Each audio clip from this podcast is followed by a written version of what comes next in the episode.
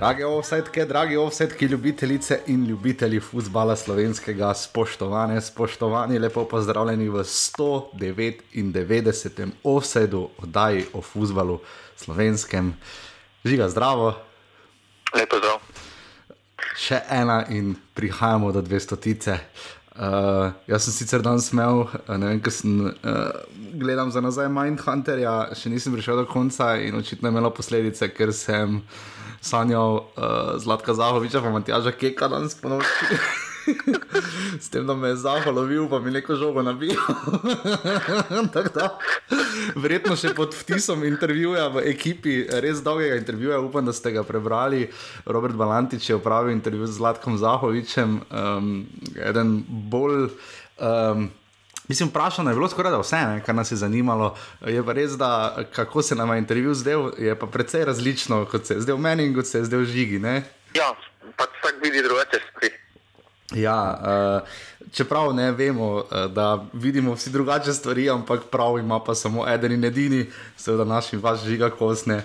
Žiga, kako se držiš v teh dneh? No, res, zdaj imamo težko krizo, smo že prebodno. No, da. Si, uh, žiga, koliko slovenskih klubov igra na futbol menedžerjev v Evropi? Uh, petih jih gre z lige v Evropo. Peti, uh, kateri klub je Maribor po koeficientu? Trenutno 22 v Evropi. V Evropi. Uh, Kapo dol, eh, če rabite inštrukcije. Eh, že kaj na football menedžerju obstaja, ruki starter, pro all-star level ali je za vse enak level? Mislim, si lahko izbereš teže nastavitve. Ali... Mislim, da je za vse enako. No, tako tak podrobno nisem, imam krone osnovne nastavitve, Aha. nisem tako uh, se spustil to podrobno. Aha, okay. uh, kaj, uh, si dobil že kakšna priporočila, kakšne ponudbe, trenerske ali kaj podobnega? Seveda, da sem že dobil. Ne?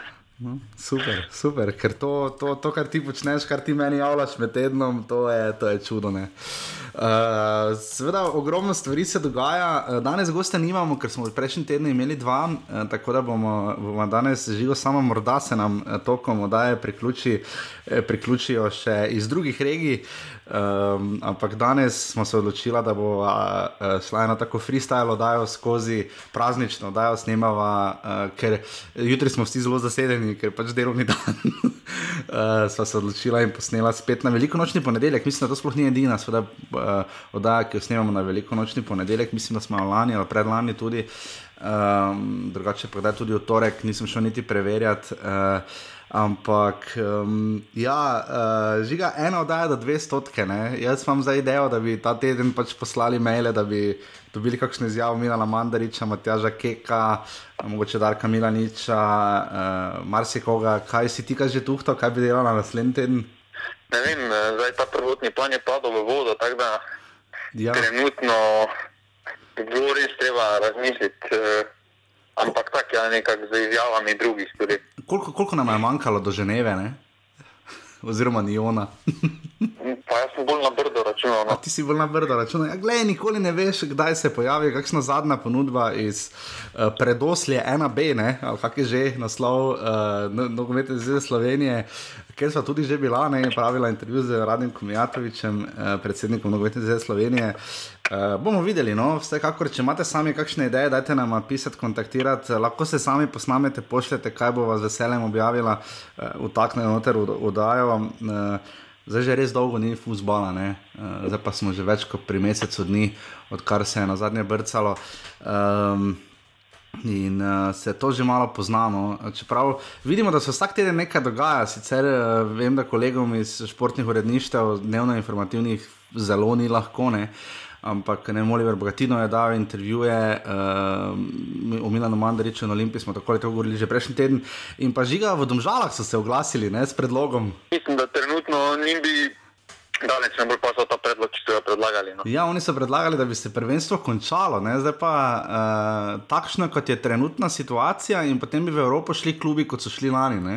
Ja, si... se pravi, njim, za njih bi bilo to najboljše, kar so oni predlagali. No, načeloma, tako za svojim, vsak bo na svoj rit gledal, to je bolj na nogometne zveze, da najde neko sredino, ker dejstvo je, da če še v to malo trajalo, bo treba najti kompromis. Eh, tu po eni strani se lahko strinjamo s tem bogatilnim razmišljanjem, da lestvica po po 15. krogu ne more šteti več kot 12 krogov, v vsakem primeru je nezaključeno prvenstvo. Uh -huh. uh, mogoče je bilo najbolj smiselno pogledati res po polovici prvenstva, ker zdaj vseeno ni vsak vsak niti odigral, težko dobiš realno sliko. Recimo celje bi lahko na koncu celo bilo po treh četrtinah prvo. Mislim, da zdaj grejo v Ljubljano. Uh -huh. uh, in kaj potem bi oni bili prvaki? Mislim, da po nekem zaključenem. Uh, Po zaključenem četrtini, oziroma dveh četrtinah, bi bilo najbolj smiselno potem narediti. Ja, če, če že, mislim, tako ali tako pravega. Fer poteze ni, ne? najbolj fer je, če se seveda vse odigra do konca. Tudi eh, predsednik Mijatovič je prejšnji teden govoril eh, v torek z Urbanom Renčičem na televiziji Slovenije. Ne? Govoril je, da so preigravali različne scenarije, ne? če bi lahko tekmovanja štartali v sredini maja, v najslabšem primeru tudi pred zadnji ali zadnji teden junija, ne? bi v strnem tekmovalnem razporedu ta tekmovanja lahko končali. Ampak se vseeno zdi, da trenutno klube bolj kot uh, nadaljevanje prvenstva skrbijo finance. Zdaj, za enkrat, razen Olimpije, um, pa nekaj malega, kar smo lahko izbrali, razbrali iz domžal, um, nekih velikih finančnih uh, izjav v stilu, propadli bomo ali smo, ali smo na poti do tja, znižali smo plače za toliko in toliko, razen pri Olimpiji, še nismo slišali, žiga, zakaj, čemu to prepisujeva. Pa dobro, Olimpija je specifičen primer, ker, ima, ker je vezana na enega človeka. Mislim, da drugi klubi eh, imajo podpisane sponzorske pogodbe in eh, tukaj pri pogodbi pač tak, da na koncu sponzor mora hm, spoštovati to pogodbo, ki jo je podpisal. Mhm. Res, da mogoče se bo zmenili za kakšno odlog, odlog plačila, za kakšno zmanjšano nakazilo, ampak na koncu so zarovani s pogodbo, denar bo na računu, medtem ko pri Olimpiji pa. Mislim, da reč pove, da jutri ne bo denarja na računu, Ja, pa ni nobenega sponzora, oziroma nobenega človeka, ki bi mm. pokril to finančno luknjo. Ja, to definitivno, to smo videli. Zdaj bral sem uh, tekst v večeru. Uh, recimo v primeru Štajerske košarke, mislim, da ste bila primer v tekstu, mislim, Zorana Mijatoviča, Rogaška in Šentjurne, ker je eden od direktorjev, zdaj ne vem točno katerega kluba, ampak uh, iz kluba povedal, ne, da kako naj zdaj on pričakuje, da mu bo sponzor nakazal denar, če pa mora sponzor recimo odpuščati ljudi v svojem podjetju. Ne? To je ta začaran krok, kjer bo šport uh, prišel zelo, zelo na konec. Se bo pa marsikaj pokazalo o pripadnosti klubu, po eni strani o spoštovanju pogodb na drugi. Ne? Zelo se je, ne bi rekel, izpostavil, ampak razgovori tudi Ami Ružnič, ne? tudi za televizijo Slovenija je dal med drugim tudi zelo, zelo odmevno izjavo, da je Josip Iličič trenutno med petimi uh, najboljšimi igralci na svetu. Se s tem strinjava?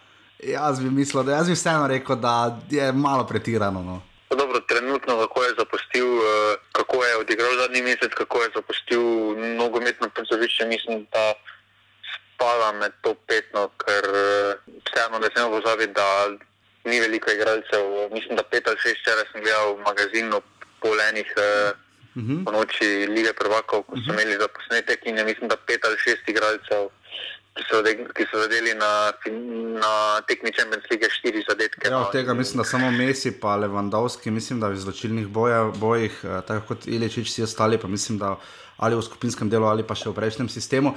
Ampak bi pa definitivno Iličič moral biti recimo v izboru, tistem širšem izboru, ki ga zbirata tako EFA ali FIFA ali France Football, tam pa zagotovo. Ne?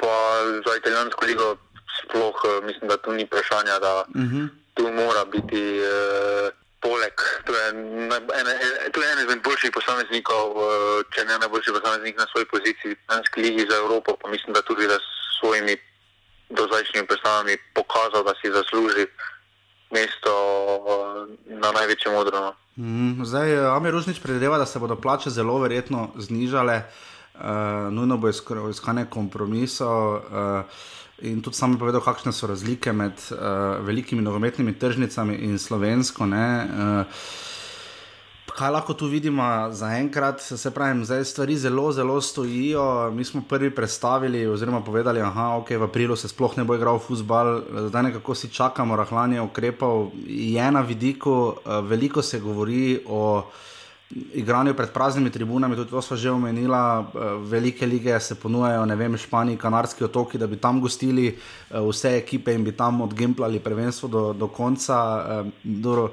mi bi to verjetno lahko prek morja naredili. Vsi šli v moralske, to, moralske toklice, pa gremo. Ne? pa ne, mislim, da pri nas uh, bi morali po avstrijskem scenariju zdaj na UEFA tudi s tem ligam gre nasproti, ker eh, koliko razbrati so začetek evropske naslednje sezone premaknjeni na neznano. Ne veš, mhm. kako bo naslednja evropska sezona izgledala, uh -huh. kdaj bo kvalifikacija, kdaj to tako se lahko malo povleče, se odigra pač tiste pauze med prvenstvom, ne bo. Eh, ampak pri nas to ni potem tako hudi problem, ker se eno, če začneš maja igrati, igraš potem šest mesecev pa pol in imaš potem dva meseca, en mesec spet cele pauze. To, da je ta pol leta odigraš v enem šusu, mislim, da ne bi smelo biti neki vel, veliki problem, uh, ampak počasi mislim, da bi lahko uh, tudi um, vlada priporočila za šport, da lahko uh mhm. -huh. manjši skupine začnejo trenirati, no, ker uh, vlada se mora tudi zavedati, da na koncu uh, najhitreje bomo zdaj pozabili vse, kar se dogaja na vse te gobe, uh, komu gledali športno in se mu veselili ali razburjali ob takšnih in drugačnih izidih. Ja, to definitivno, to se absolutno vsi strinjamo, ker zdaj že pa. Res pogrešamo, um, sam ne vem, grem nazaj, ne vem, zadnjič včasih me najde algoritem, ne vem, originalnega Ronalda, uh, posnetki njegovih driblingov, potem ne vem, uh, zadnjič Guardian se je celo domislil, da ima minut, dva minut report starih tekem, To, to, to je še sploh zanimivo, mislim, da so zadnjič imeli finale lige Provokov, uh, Manchester United, Bayern v Barceloni, kultna tekma. Um, pač vsi se skušajo nekako spomniti česar koli, kar bi pognalo stvar naprej. Uh, tudi pač upam, da mi v offsetu poskušamo. Na ta način zadnjič je tako lepo sliko objavila Prva Liga Telekom Slovenije iz tekme Marijo Primorje, ne, uh, ko še ljudski vrt uh, imel seveda ne pokritno vzhodo, tri, vzhodno tribuno iz zlatih, norih 90-ih, um, sijajno obisk in uh, pač za druge, kot za zgodovino, za ne moremo skrbeti. Žiga, kak je pri nas za zgodovino, po tvoje, poskrbljeno? Zdaj sem malo debatirala o tem, kako se klubi. Skušajo ozirati nazaj, ne? ker recimo uh, vem, v Kranju, v Domžalah so izpostavili, da beležijo, mislim, stoletnico obstoja kluba, oziroma odkar se tam brca nogomet. Eh, Kaj skrbimo pri nas za to? Zdaj, neki klubi probajo bolj, drugi manj. Statistike so, kot vemo, na primeru Olimpije, ne, um, kot je Matjaš Homer, gospod profesor, obtažavar, skrbi za to, ne, se je moral Face pomoditi v knjižnicah, da je karkoli, uh, da je pač vse nabral. Kako skrbimo žiga pri nas za to? Bi lahko prva liga še boljše, klubi na kom to sloni? Pa dobro, mislim, da vsak klub eh, se z veseljem spomni, eh, ko je kakšna okrogla obletnica, ampak drugače. Eh, mislim, da v takšnem obsegu, kot klubi delujejo, da ni na klubih, da pišejo članke.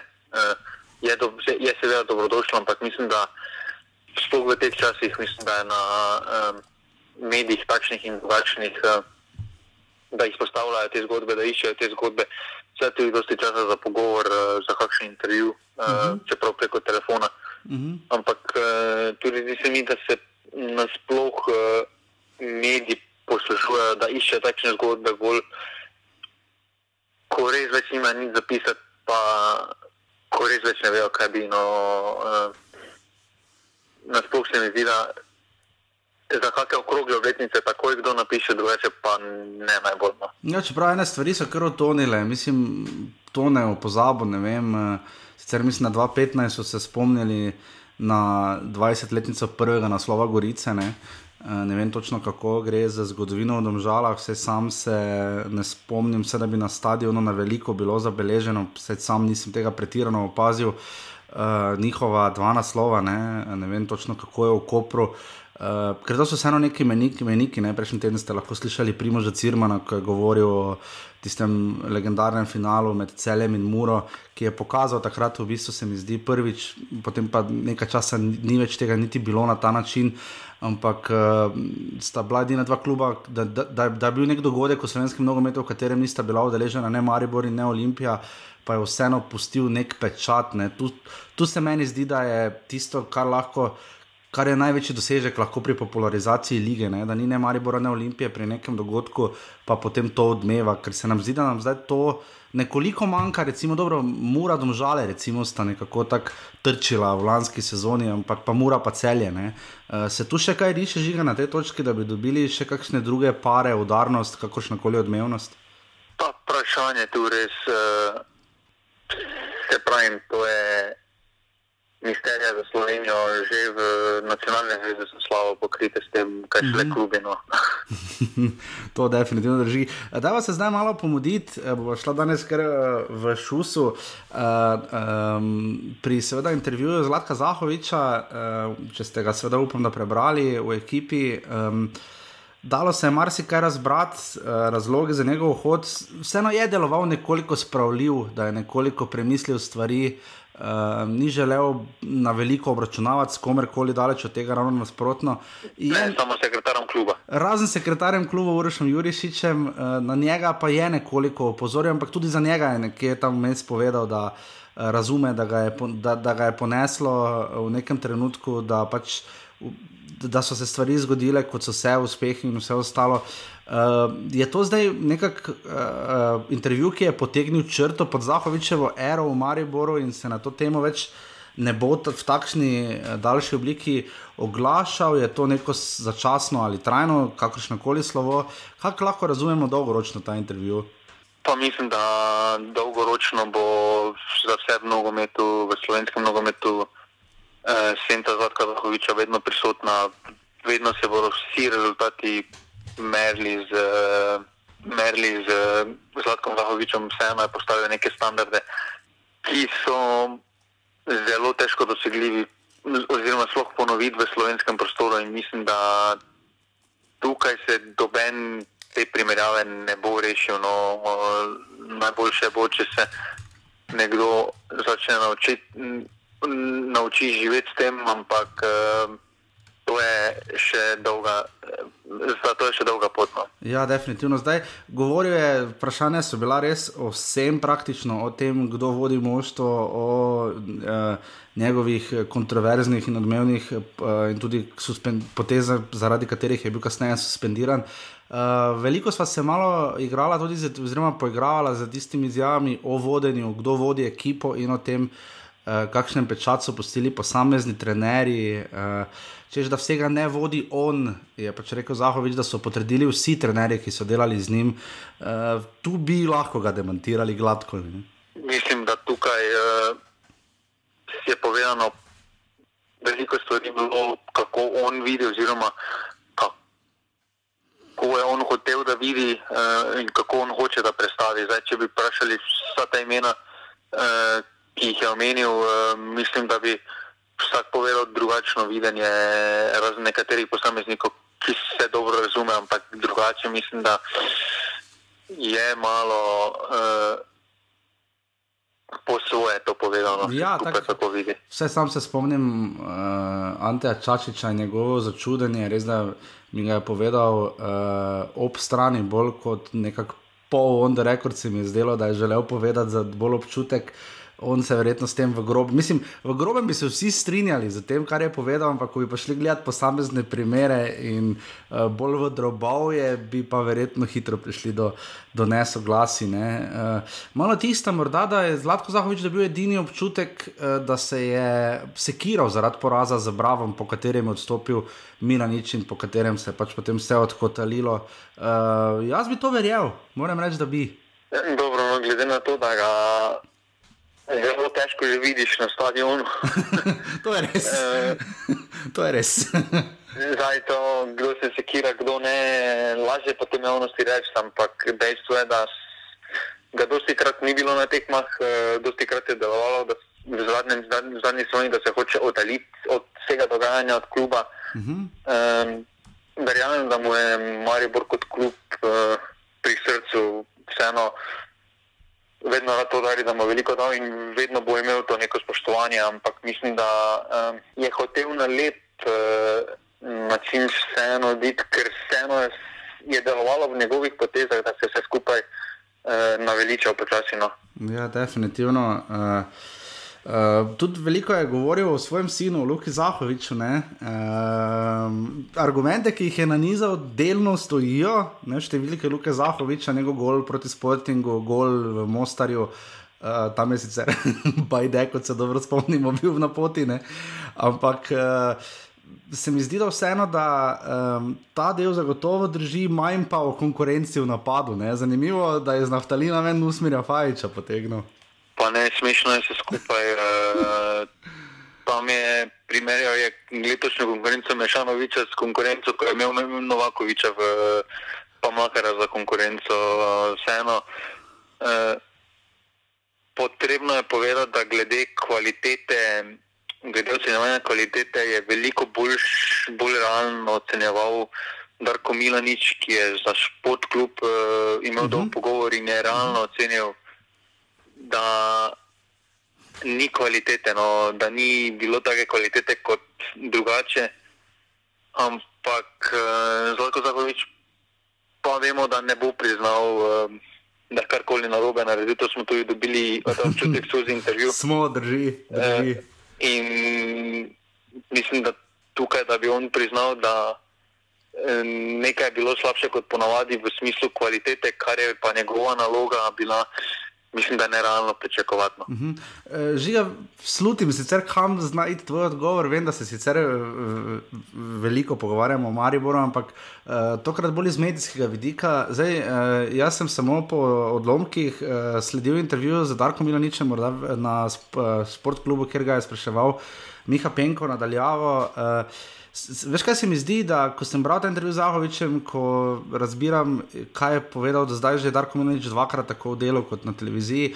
Um, Da šele zdaj nekako dobivamo realno on the record sliko, kako deluje Maribor, kaj se v njem dogaja. Veš, vsi mi, ki smo bolj upeti v to dogajanje, ki poznamo off the record informacije ali, ali jih dobimo tako ali drugače, to vse čas slutimo, ampak nikoli pa ni to zares potrjeno. Uh, bi se lahko, uh, ne samo en kamaribor, ampak slovenski klubi iz tega kaj naučili, da je morda včasih.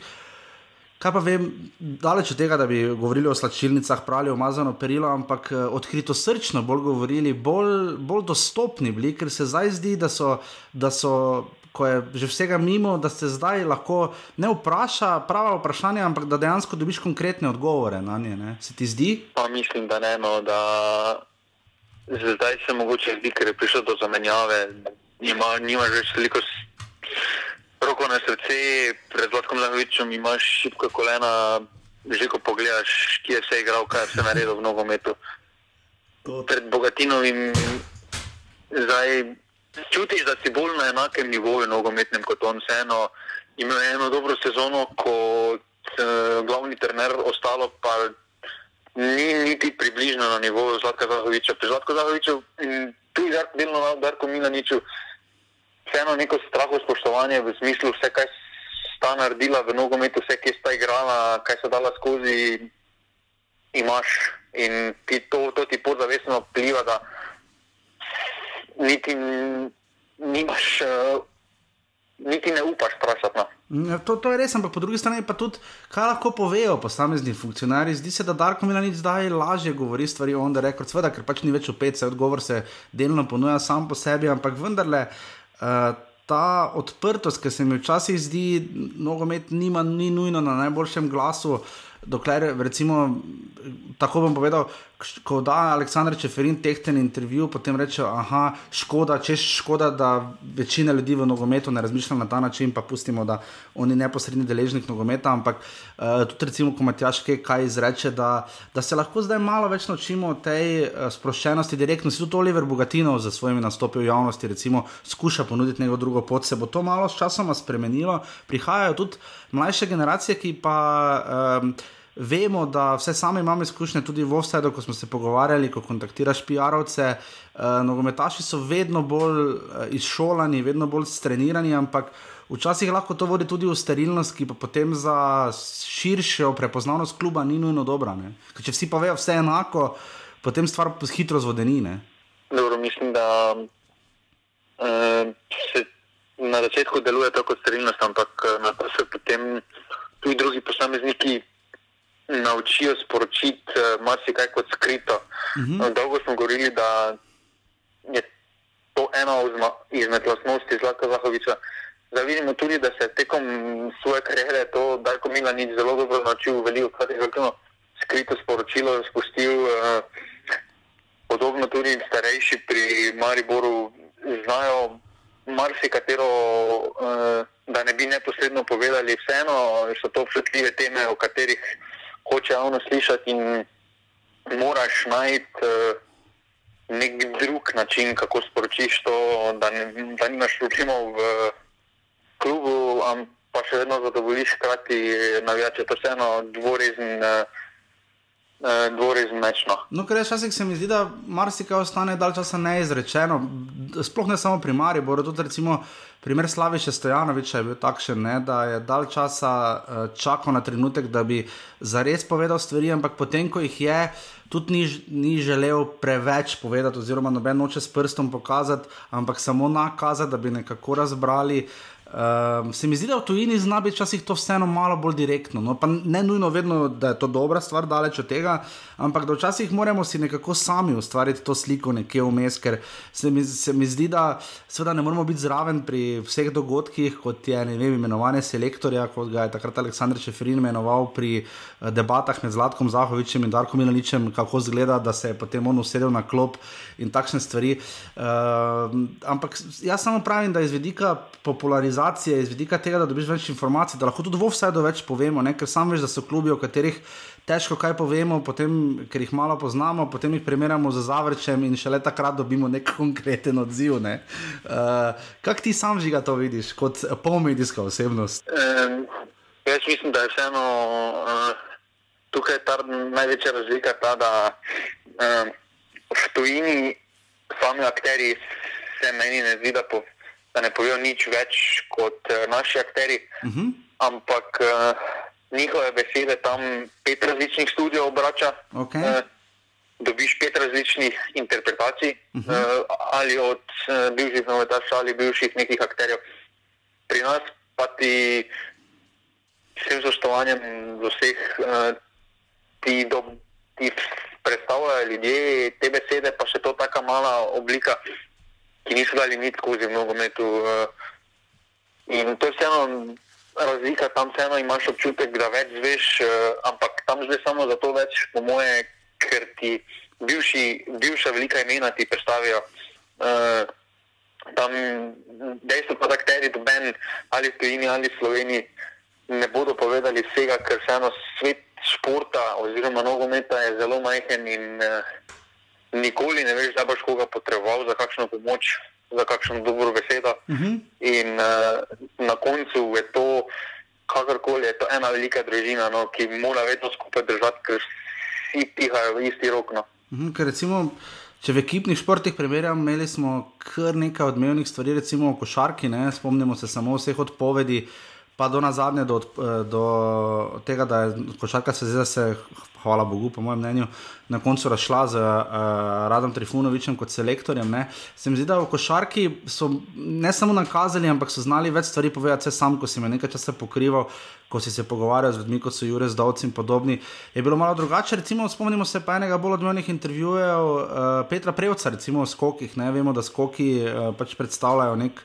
Uh, slovenski uh, steber ali pa nek simbol slovenstva, tudi med drugim, seveda zaradi planice. Ampak takrat je Peter Predz govoril zelo direktno, tudi Goran Janos, ko so se potem razhajali, potem tudi besede Jurija Tepeša. Tam, tam pa je morda to malo bolj drugače. Se mi tu zdi včasih, da pri nogometu so vsi pač malo bolj previdni, ker je pač fusbal, ne? ker pač pri fusbalu se hitro skregamo. Ne? Pa ne treba povedati, da. Malo drugačni denarji se vrtijo. No, se zato, se zato se to no. pravim. Torej, ti praviš, da je razlog verjetno denar, vpliv in tako naprej.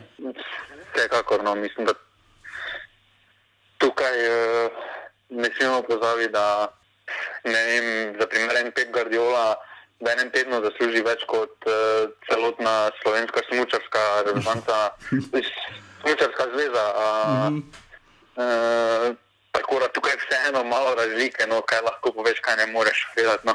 No, ampak vseeno mnogo metno, mislim, ker se mi zdi, uh, ko se pogovarjamo skozi čas, ko smo intervjuvali, se vse do vedno skušamo uh, dati čim več besede, da bi čim več sami povedali. Mi ne da nočemo vrtati, ampak se mi zdi, probujemo obrati drugi pristop uh, s časom, vse do vse, ko sem sam gostil uh, praktično, se ne vem, če koga nismo, trenerjev, dobro, Darka Mila, nič, mislim, da nikdar še nismo, morda ga zdaj še bomo. Uh, ampak ko smo jih gostili, smo jim pustili prostor iz tega drugega vidika, da ker veliko krat potem slišimo tudi od klubov niže na lesnici, jaz se nas nomenič ne vpraša ali pa dobimo uh, manj prostora. Recimo mi ga damo praktično, kolikor ga želijo, tako kot ga damo pravzaprav vsem ostalim, uh, pa se tu še malo odpira.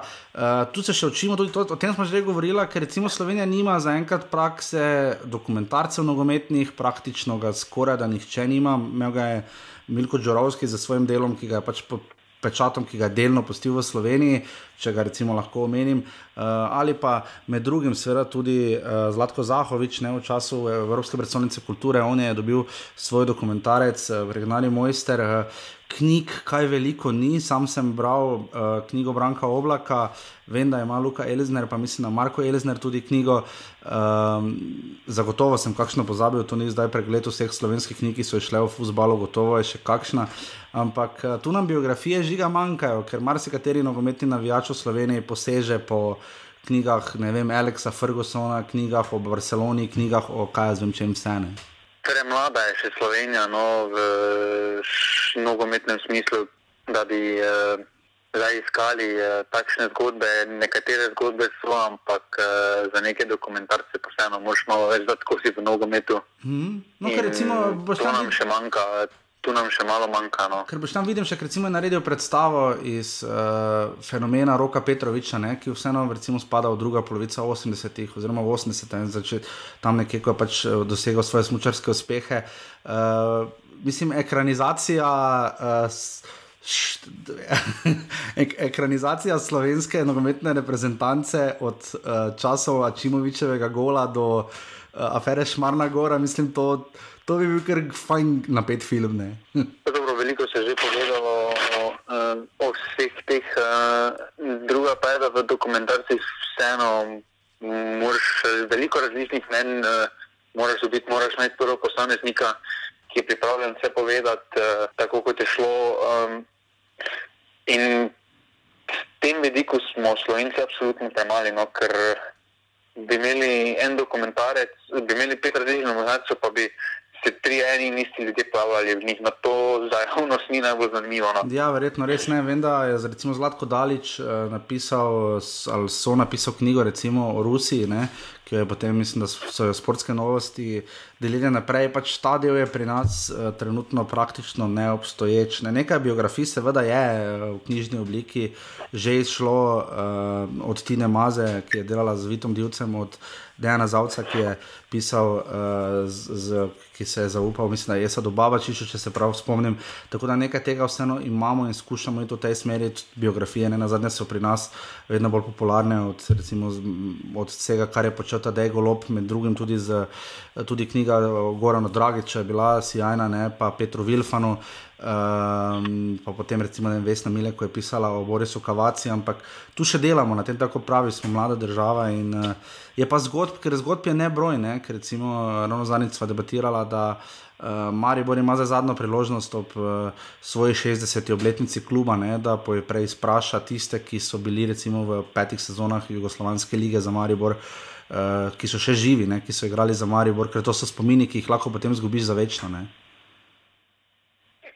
Uh, ja, sem pravim. Uh, tukaj mislim, da bo nekaj, no, vseeno, pa smo malo, res premlada država. In, in, Klinka je ta, da se mi prim, hočemo primerjati z eno Anglijo, Nemčijo, ker pač to gledamo, to, to so zanimivi dokumentarci. Um, mi pa imamo toliko zgodovine, kot imamo oni v petih sezonah. No. Ja, to, to. to uh, razumem in uh, popolnoma legitimno. Argumentiranje v skupini pasivni offside, jaz bi, bi to moral dati na začetek, da je, ampak od zdaj naprej se lahko kličemo, da smo vsi bekine. Namreč v prejšnjem tednu, v minulem tednu sem vas vprašal, če ste igrali, trenirali futbol, oziroma ga še aktivno igrate, uh, offsetke in offsetke, katera je bila vaša primarna pozicija. Ne? In uh, izdatno vas je dosti sedelo na klopi, uh, ker sem večino časa uh, do svoje U14 kariere prebil tudi sam. Če sem pa že šel v polje, pa sem večinoma igral levega ali desnega beka. Uh, žiga, ti si bil na koronaveter poziciji, ne? Pa ne, to zdaj trenutno ne raje igram. A to zdaj trenutno ne raje igraš. Ampak. Se te vedno videl. jaz sem se recimo videl. Uh, kot nekdo, ki predložke daje, uh, ne vem, David Beckham je takrat pač bil uh, nekako zelo uh, prepoznaven. Ne, ne bi rekel, mi ti avile. Vidiš, ti da najprej pomisliš na tujino. Ne, takrat sem recimo, ne, veš, kaj takrat pri Mariboru, če že je, ampak veš, Maribor takrat je imel v bistvu center, center šuterja, je bil samo Amir Karič, ampak njegove predispozicije za njega, pa nisi niti točno vedel, kaj točno igra, ker je igral in obrambo, se mi zdi, da je igral in štoperja in špico. Ne. Tako se mi je zdelo pri njemu. Je bil, recimo, po drugi strani pa Gregor Židan, če že ne, takrat v tistih časih. Ampak moram reči, da ko smo mi trenirali pri Mariboru, čeprav smo relativno veliko krat videli člane prve ekipe, še vedno, ko si jih ti videl, ne, uh, so zgledali takrat kot bogovi. Ne. Mislim, ko si bolj zgotavijo, si samo gledal, da se ne menimo o fintah Viktorja Pača in tako naprej. Ne. Bil si star strak, ne vem, kako je to danes, se mi zdi, da včasih, ko vidiš ko otroci pridejo na tekmo in uh, po tekmi čakajo na avtograme, oziroma dan danes bolj na sliko, uh, še vedno vidijo, vidiš ta les v očeh, uh, da se to ni spremenilo, da še vedno, ko vidijo tavare, se je ono wow efekt, ne se mi zdi, da ja, ne. Ampak zanimivo, da res, da je bilo dosti uh, obrambnih rezerv, nekaj tudi golmanov. Uh, ampak res hvala vsem, da ste sodelovali. Uh, žiga, jaz bi pričakoval, da večina bi bila bolj v obrambi, offside-kov in offside-kov offside kici, no offside, kaj eh, naj je to presenetilo, ni ne? Ne, mislim, da. Ne. ne. mislim, da je med napadalci bil redki, veš, ja, gombač. Uh, Matjaš Haket, oziroma Homer je napisal, da je bil ekonom, ne, uh, ampak Amadej Žerek je seveda bil napadalec, tudi najprej špica. Uh, Urban Kramer se je oglasil iz uh, novega mesta in uh, upam, da bomo tu še dobili kakšne odgovore uh, v naslednjem tednu, ko bomo slavili uh, našo 200. oddajo, uh, kar bo po svoje kar lep dosežek, se mi zdi. Uh, Um, ja, tako da, žiga, kaj bi še danes uh, na hitro povedala? Imamo kakšen klub pod drobnogledom, ki bi ga tako uh, kot kocko vrgla. Uh, nekaj smo že rekla o uh, drugih klubih. Uh, mogoče kaj povem. Uh, Aluminij za enkrat se mi zdi, je kar relativno stabilen klub. Je to klub, na katerem se, se malo razmišljam v minulem tednu, žiga, da je to klub, ki nekako kaže lahko smer, ali je to prava pot, ki so jo oni obrali, ker se mi zdi, da bi še kdo rad ne kopiral, ampak skušal obrati to, kar so oni naredili. Aluminij pot. Mm, mislim, da aluminij piše zelo lepo zgodbo, kot že veliko krat ponavljamo. Uh -huh. Ampak eh, tukaj eh, sreče ima, no, da se to vse, kar se dogaja v uh, Dravi, ker vemo, da tu je malo podjet, malo več uh, firm je tam, malo več se dogaja, mm -hmm. malo več denarja je tam. Uh, praktično tam so odvisni od uh, Taluma, uh, mm -hmm. ki je zelo močno podjetje, mm -hmm. mislim, da tega pozabiti, ampak vseeno. Mislim, da so to izkoristili uh, v najboljši meri. Uh, piše lepo zgodbo, izkoriščajo dobre pogoje, ki jih imajo. Uh, veseli pa dejstvo, da ne pozabljajo na svoje korenine, no, uh -huh. eh, da se osredotočajo predvsem na svoj kader, na slovenski kader. Uh -huh. eh, in mislim, da so se tekom, eh, tekom svoje, svojega časa v prvi ligi naučili, da eh, ne sme biti impulzivnih odločitev, kot smo videli marsikaj v prvi slovenski ligi. Tam. Mhm, -huh, so... Dolgoročno delo mhm. -huh. prinese rezultat, uh, moraš počasi uh, počakati, da kakšno sezono ali dve, tudi če ne gre mm -hmm. po mhm. tvojih planih, in mm -hmm. na koncu neka, neka konstantnost se vedno nagradi. No. Mhm, zdaj vidimo, da prehajanje iz druge v prvo ligo nakaže večinoma, da trener ostane isti. Ne? To se recimo pri Krškem je bil tak primer, tudi ne na zadnje pri, mislim, na Ankaranu. Ne? Ko so prišli naprej, podobno je bilo pri Aluminiju, kjer je bil najprej bojen špehonja, ko so potem spet prišli nazaj, ampak so potem malo počakali. Ker namreč, eh, kaj se potem že zgodi, pogosto, da če klub iz druge lige pride v prvo in skuša imeti še uspešno, ne samo prvo, ampak drugo, tretjo, četrto sezono in vedno bolj rast, je kaj se zgodi, da domači fanti vedno bolj grejo na klop, oziroma potem iz kadra in prihajajo tujci. Um, aluminij je tu šel. Mogoče najbolj previdno med vsemi klubi, ne? ker ne pozabimo, vse podobno stvar so delno počele tudi domžale, ne? ko so prihajale nazaj v prvo ligo. Ne? Se vsi, ko najprej prihajajo, uh -huh. se poslužujejo tega. Ampak potem se hitro prezgubi, ker se začnejo rezultati loviti. No, um, Ja, ker potem je treba, se mi zdi, veliko narediti eh, na prestopih, ne mora, recimo letos v takšni sezoni, neko pričakuješ, da bo vsak tujec, ki bo prišel, gladko zasedel mesto in ga tudi ohranil in samo napredoval. Potem pa kaj, če se to ne zgodi, se tudi aluminij, niso vsi prestopi uspeli daleč od tega, ne. Uh, Marsikaj je tudi uh, šlo zelo slabo, ampak uh, dal se eno dobro vprašanje, kaj manjka, da jih javnost vidi kot resnega konkurenta za top 4, upam, da bomo kmalo dobili spet sogovornika, ki bo lahko odgovoril, ampak kaj mislimo mi dva, ker recimo domžale so se tu uspele preriniti in ohraniti ta status.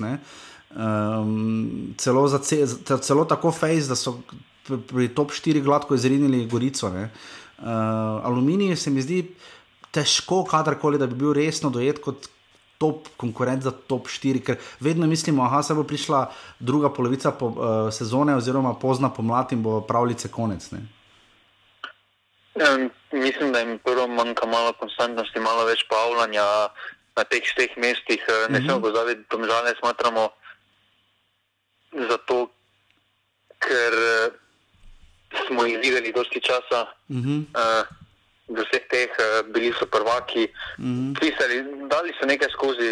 No, takrat v prvih naslovih se jih je tudi dojemalo kot outsider, no, podobno kot aluminij, ampak uh, več plavna na teh mestih in potem tudi na koncu, samo osebno tudi, oziroma večina javnosti tudi smatra celjane bolj borba za sredino. Uh -huh, uh, lesice, ja. Ker smo jih tam navajeni, ker ja.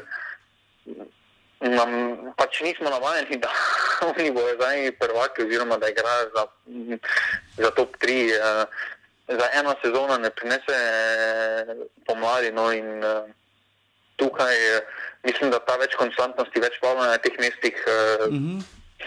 Da bo no. Nekako... Tudi mm -hmm. zdaj, ko domžale pridejo, ko so prišle v opcijo, da imajo naslov na praktično na rokah, mm -hmm.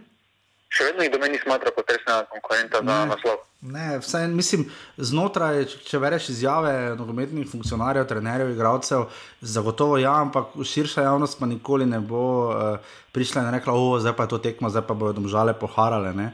Ker uh, ravno to, ko si rekel, da celja daš na sredino lestvice, ne vredo, potem daš Maribor na, in Olimpijo na prvo in drugo, pač kakorkoli že mesto. In to se potem tudi pokaže, ker grejo štiri klubi v Evropo.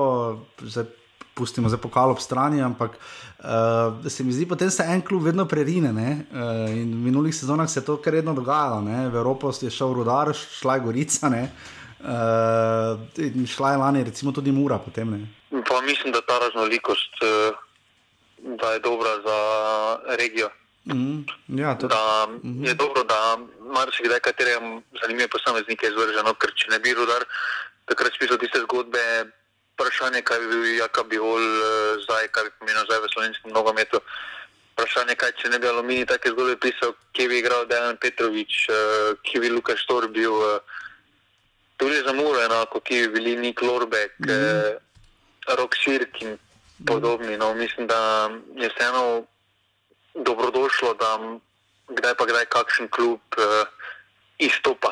Ja, ker pa verjetno smo pa vseeno po neki konstantnosti, oziroma po uh, tem, da ni veliko razlik, kateri štiri klubi zastopajo Slovenijo v Evropi, uh, tu smo verjetno kar malo specifični. Ne? Namreč Maribor in Olimpija sta zdaj vsako sezono v Evropi. Domžale tudi, da tri klubi praktično so zasedli mesta, že zadnjih kaj 4-5 let. Uh, Eh, in potem za en klub postane. Veš, nijamo, letos so igrali štiri klubi, drugo leto bojo pa tri, čez drugi klubi prišli v Evropo. Ne. Dobro, sej v največjih ligah se to podobno, sploh lanski eh, sezoni, ko, ko je v to pet ligah, so vsi obranili naslov, ampak. Vse je podobno na Hrvaškem, ampak uh, lahko vidimo, da se bo tu zanihalo. Zdaj letos domžale skoraj zagotovo ne bi šle, oziroma ne bojo šle v Evropo, kaže, da bo celje zauzelo to mesto. Uh, vse zaenkrat je tako kazalo. Ja, tukaj, eh, tukaj eh, pa Slovenija specifike zato, ker eh, vemo, da oziroma se zavedamo, da klubi redko dosežemo, dosežejo kaj v Evropi in zato je zelo dobro, da grejo v Evropo takšni klubi, ki imajo neko zgodovino, ki vemo, da dosegajo neke rezultate. Mm. In pač to vse skupaj prinese, to vse skupaj prinese na to, da si vsi želimo, da, nas nastopa, da za nas nastopa v, Sloven, v Evropi eh, Maribor, Olimpija, Domžale. Ker vemo, da sploh Domžale, da so za tisti tretji klub eh, velike zgodbe pisale v Evropi. No. Ja, definitivno. Če še potem dodaš tu Muro, ki ima dober doma obisk in je potem tudi to itak, pa je to že skoraj pol prve lige. Uh, tako da, ja, današnji offset, kot rečeno, je bil bolj taki freestylerski, praznični, uh, smiljen, očitno še spi. Uh, bomo ga vključili v naslednjo oddajo. Dajte res pisati, kakšne so ideje za 200 to oddajo. Uh, mi bomo potem provali nadaljevati, dokler bo le šlo. Uh, pa da bomo skupaj dočakali potem nadaljevanje lige. Mogo, mogoče za konec žiga si. Ne vem, jaz si zdaj predstavljam, da bi nekje do konca maja, začetka junija, vseeno se futbol začel, glede na vsa dogajanja. Pa, jaz mislim, da vseeno smo Slovenija, eh, Slovenci nasploh smo dovolj eh, kulturni, dovolj eh, spoštujemo vse ta pravila, da mislim, da bi lahko mi skozi celoten ta čas šli skozi uh, švedski sistem, kjer je vse delovalo, ker dejstvo je, da Slovenija je premala. Uh -huh. uh, sploh zdaj, ko so zaprli uh, meje, mislim, da te dnevne migracije bi mogoče bilo smiselno ukiniti, uh, Ljubljana, Maribor. Ampak nasploh mislim, da bi drugače bi pa lahko normalno obratovali, ker mislim, pravim, da smo dovolj, da če nam nekdo reče, da si moramo roke umivati eh, trikrat na dan, si bomo šli štirikrat na dan umivati. Ja, res, smo taki malo bolj poslušni narod in uh, mislim, da tista pravila, ki nam bi jih uh, nekdo dal, mislim, da bi se jih uh, držali. No. Ja, tako da bomo videli, zdaj kriza je vseeno. Bila kar specifična, ne, glede na to, da nismo pretirano daleč od enega od evropskih žarišč, oziroma v enem trenutku največjega evropskega žarišča. Ampak eh, vsak. Ja, dobro, samo tam ob meji pa je to praktično najmanj. Uh... Vem, zanimivo je, ja, da v Novi Gorici, oziroma na Goriškem ali Severnem Primorskem, kakorkoli hočete, je res najmanj okuž praktično, uh, tako da se tam res držijo. Uh, In ja, ker počasi po bo res že mučno iskati uh, teme in uh, vse skupaj. In, uh, novo med se res pogreša. No? Mislim, sploh, ko, uh, tak, se mi zdi na dnevni ravni niti ne tako fejst, ampak ko vidiš kakšen posnetek ali kaj prebereš ali karkoli. Uh, še tu takrat, nek, bolj kot si predstavljam, kak sem na tekmi, kak uh, greš na tekmo, nekaj se dogaja, ovo, ono, izjave, termini. To jaz. Ker začnem pogrešati, sploh ob ponedeljkih snemamo offside, uh, se zato ga pa snemamo, da podoživljamo uh, ligo. Čeprav uh, jaz mislim, da če me zdaj vprašaš, mislim, koliko stvari ti pade z glave. Ne? Po moje najno znanje zdaj, vse moje bi bilo precej pomanjkljivo, že kakega trenerja bi skoraj pozabil. No? Dobro, zelo zanimivo pa je bilo, ko je intervju Bogatino povedal, da eh, se več ne vidi v trenerskih vlogah. No? Mhm, ja, to je bilo zelo zanimivo. Se vidi, uh mhm. -huh. kako malo poznamo slovenski prostor, oziroma kako malo informacije, ker praktično vsi mediji so bili pripričani, da je Bogatino naslednji trener Maribora, že ko je prišel v Maribor. Uh -huh. Dejstvo pa je, da je od čist eh, nekaterih drugo, drugih stvari razmišljal. Ja, zanimivo. To, to je tisto, kar sem pregovoril, kaj vemo, kaj ne, česa ne vemo, kako pride do informacij. Zanimivo, s to izjavo je v intervjuju za večer res eh, presenetil. Uh, Uh, tudi za svojo mislim, umirjenost, uh, načitanost, to, česar smo že vajeni, to ni toliko presenetilo, kot pa ravno to, da, da je v bistvu se od trenerske. Ne, ni bilo zdaj občutek, da se je poslovil od trenerske kariere, ko je, ko je končal uh, z aluminijem svojo zgodbo um, prejšnje poletje, ne, ampak, uh, oziroma predprejšnjo sezono. Ampak se mi, se mi zdi, da, da, ja, da, da je to ena izmed stvari, ki uh, nas je res precej presenetila, no, da se je odločil posvetiti. Uh, uh, ostalim uh, delom. In, uh, je pa povedal tudi Simon Šparov za televizijo Slovenija, da, se, da je Maribor tudi na radarju tujih trenerjev, ne? da se tudi tu nekaj malega, ne moramo reči, ponujajo. Mislim, da ni uporabil tega izraza, ampak da tudi tujci uh, bi radi prišli v Maribor. Ne?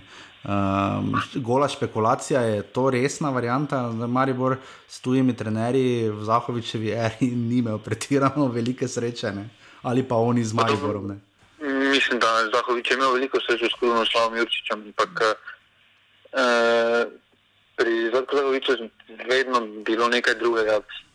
neki drug plan v igri si uh -huh. občutil, no takšen občutek si hitro dobil, ko si malo povedal.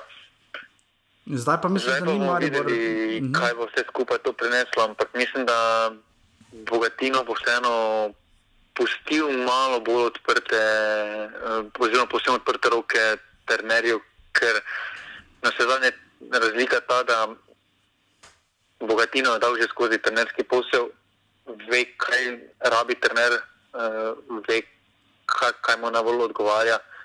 Uh, in mislim, da tukaj se je naučil v času aluminija, da je mir tisti, ki ga trener najbolj potrebuje. Mm, absolutno drži.